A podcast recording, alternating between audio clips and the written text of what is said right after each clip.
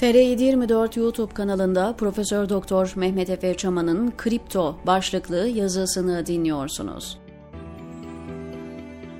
TR724'te oldukça uzun süredir yazıyorum. 7 sene. Dile kolay. Acı tatlı birçok şey yaşandı diyeceğim ama acılar sanırım o kadar fazlaydı ki bu 7 yıl içerisinde tatlı şeylerden bahsetmek haksızlık olur.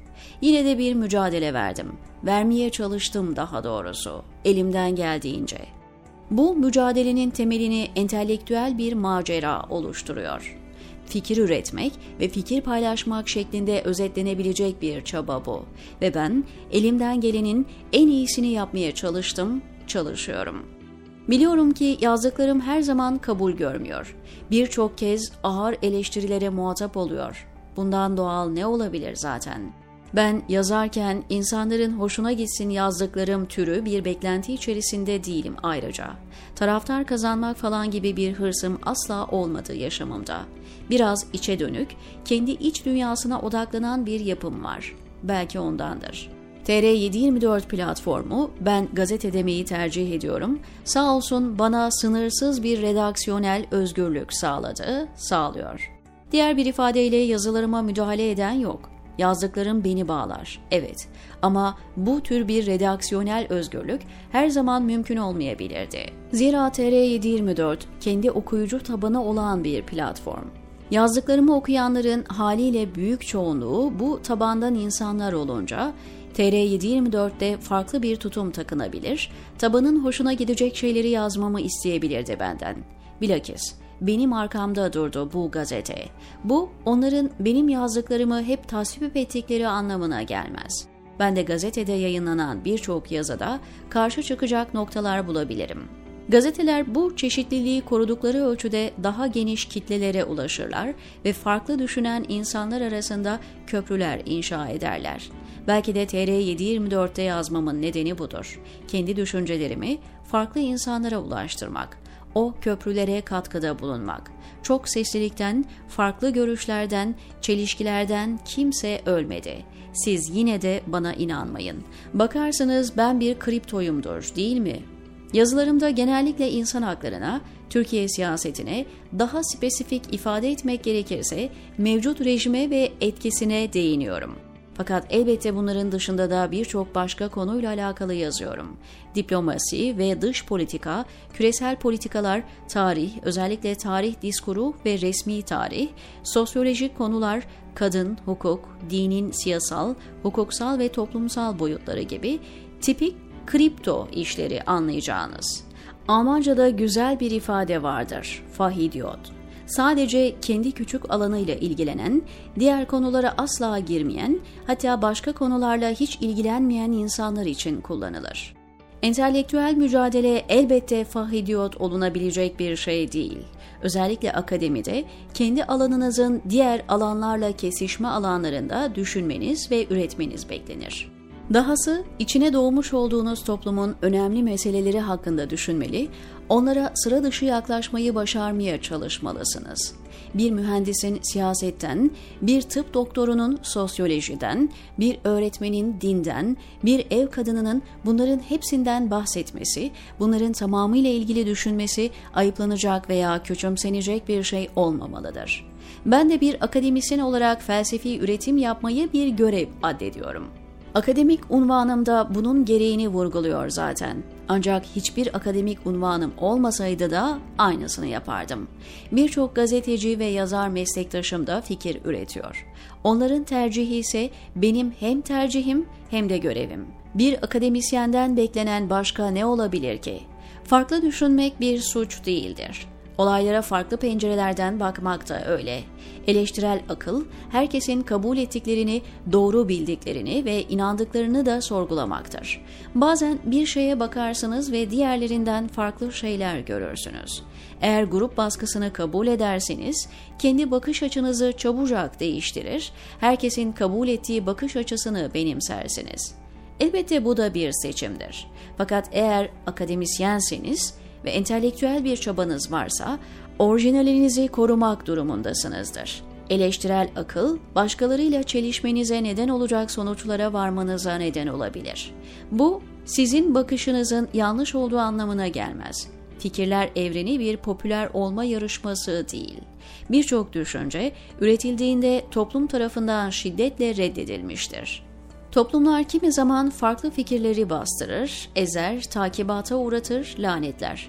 Fakat bu fikirlerden bazıları aradan 10 yıllar, hatta 100 yıllar geçtikten sonra aynı toplumların takdirini ve onayını kazanabilir. Belki benim düşüncelerim elekten akan kum taneleri gibi boşluğa akıp gidecek ve bir daha hiç kimse onların üzerine düşünmeyecek.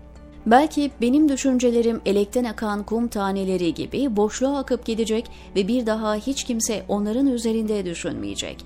Bu bir olasılık. Fakat belki de bazıları insanlar ileride değer verdiği, üzerinde düşündüğü, olumlu ya da olumsuz polemiğe girdiği ürünler olarak topluma katkıda bulunacak.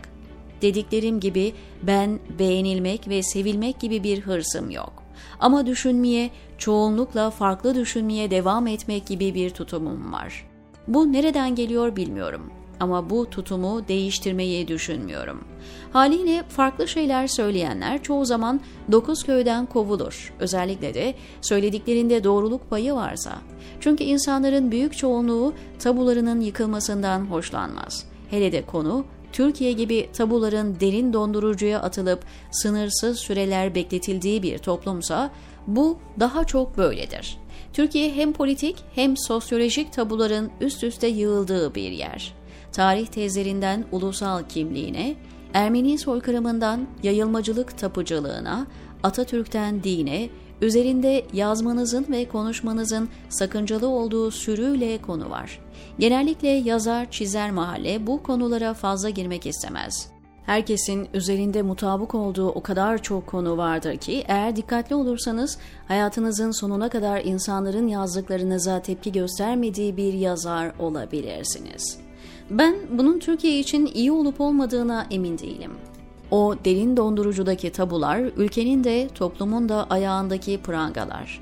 O bagajla ve tehlikeli alanlarla hesaplaşabilen toplumlar daha mutlu ve daha başarılı oluyorlar. Kanada, yerlilerin başına gelenlerle hesaplaştıkça, Almanya 2. Dünya Savaşı ve Holocaust'u eleştirdikçe ve genç nesillere öğrettikçe Fransa, İspanya veya Portekiz gibi ülkeler kolonyal geçmişlerini reddeden yeni bir kültür üretebildikçe ilerliyorlar, gelişiyorlar, medenileşiyorlar. O ülkelerde de bu işler kolay olduğu zannetmeyin kilise doktriniyle hesaplaşmaktan, kadınlara eşitlik sağlamaya, insan haklarına uygun bir siyasi sistem kurmaktan, eleştirel aklın merkeze alındığı bir okul sistemine, bahsettiğim ülkelerde de ilerlemeler hiç kolay olmadı. Tabulara dokunmadan bunlar yapılamazdı. Tabulara dokunanlar da tabiatıyla ödüllendirilmediler. Bedeller ödediler. En büyük bedel dışlanmak, izole olmaktır. Entelektüel mücadele bu nedenle yalnızlığı, tekliği göze almaktır. Bir de şeytanlaştırılmayı, hain ilan edilmeyi, kriptolaştırılmayı, insan hakları mücadelesi yapmak Türkiye'de kolay değil. Eğer herkese aynı kıstaslarla yaklaşacaksanız çoğunlukla ne İsa'ya ne Musa'ya yaranabilirsiniz. İlkeleriniz varsa ve ne olursa olsun bu ilkeleri göz önüne alarak yazıyorsanız yani tribünlere oynamıyorsanız aynı anda herkesi mutlu edemeyeceğinizi de peşinen kabullenmişsinizdir demektir. Bu nedenle bir şikayetçi olma durumu içerisinde değilim. Çünkü doğruya doğru, yanlışa yanlış demek gerekiyor. Doğru ve yanlış kişisel bakış açınıza ve değerlerinize göre değişim gösterebilir.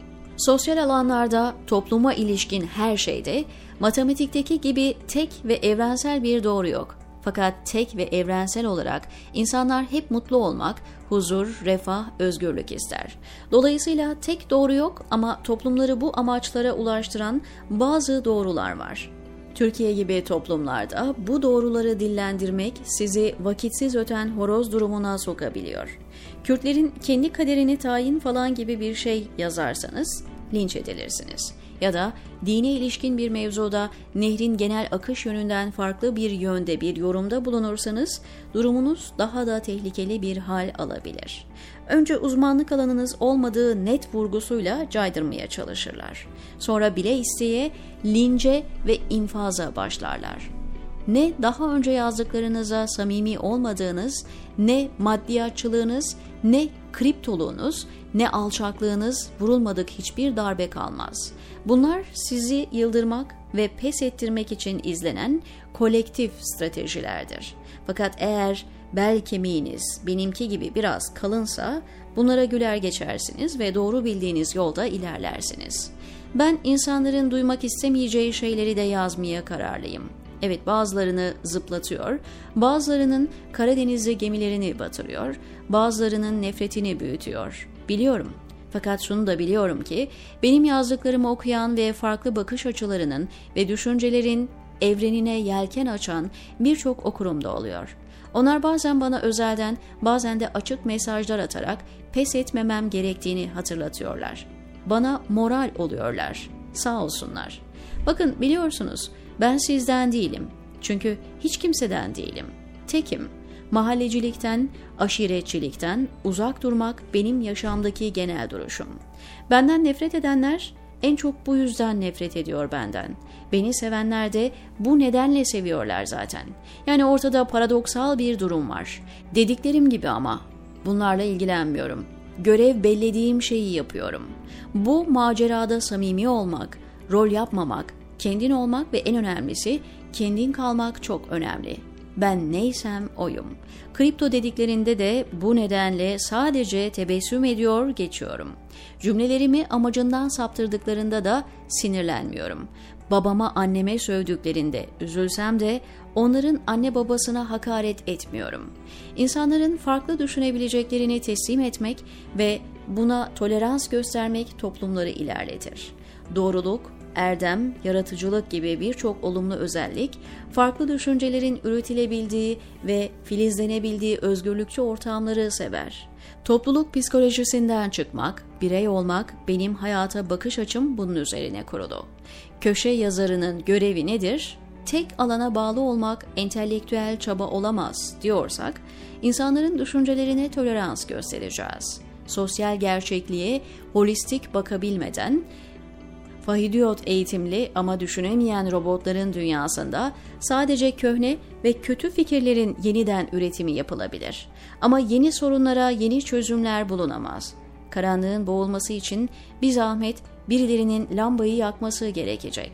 Karınca kararınca benim mücadelem bu yöndedir. Tabii benim yazılarımı okuyan okur, okumak istemeyenlerin de zaten okuma mecburiyeti yok kriptonun teki der geçerseniz diyor Mehmet Efe Çoman TR724'deki köşesinde.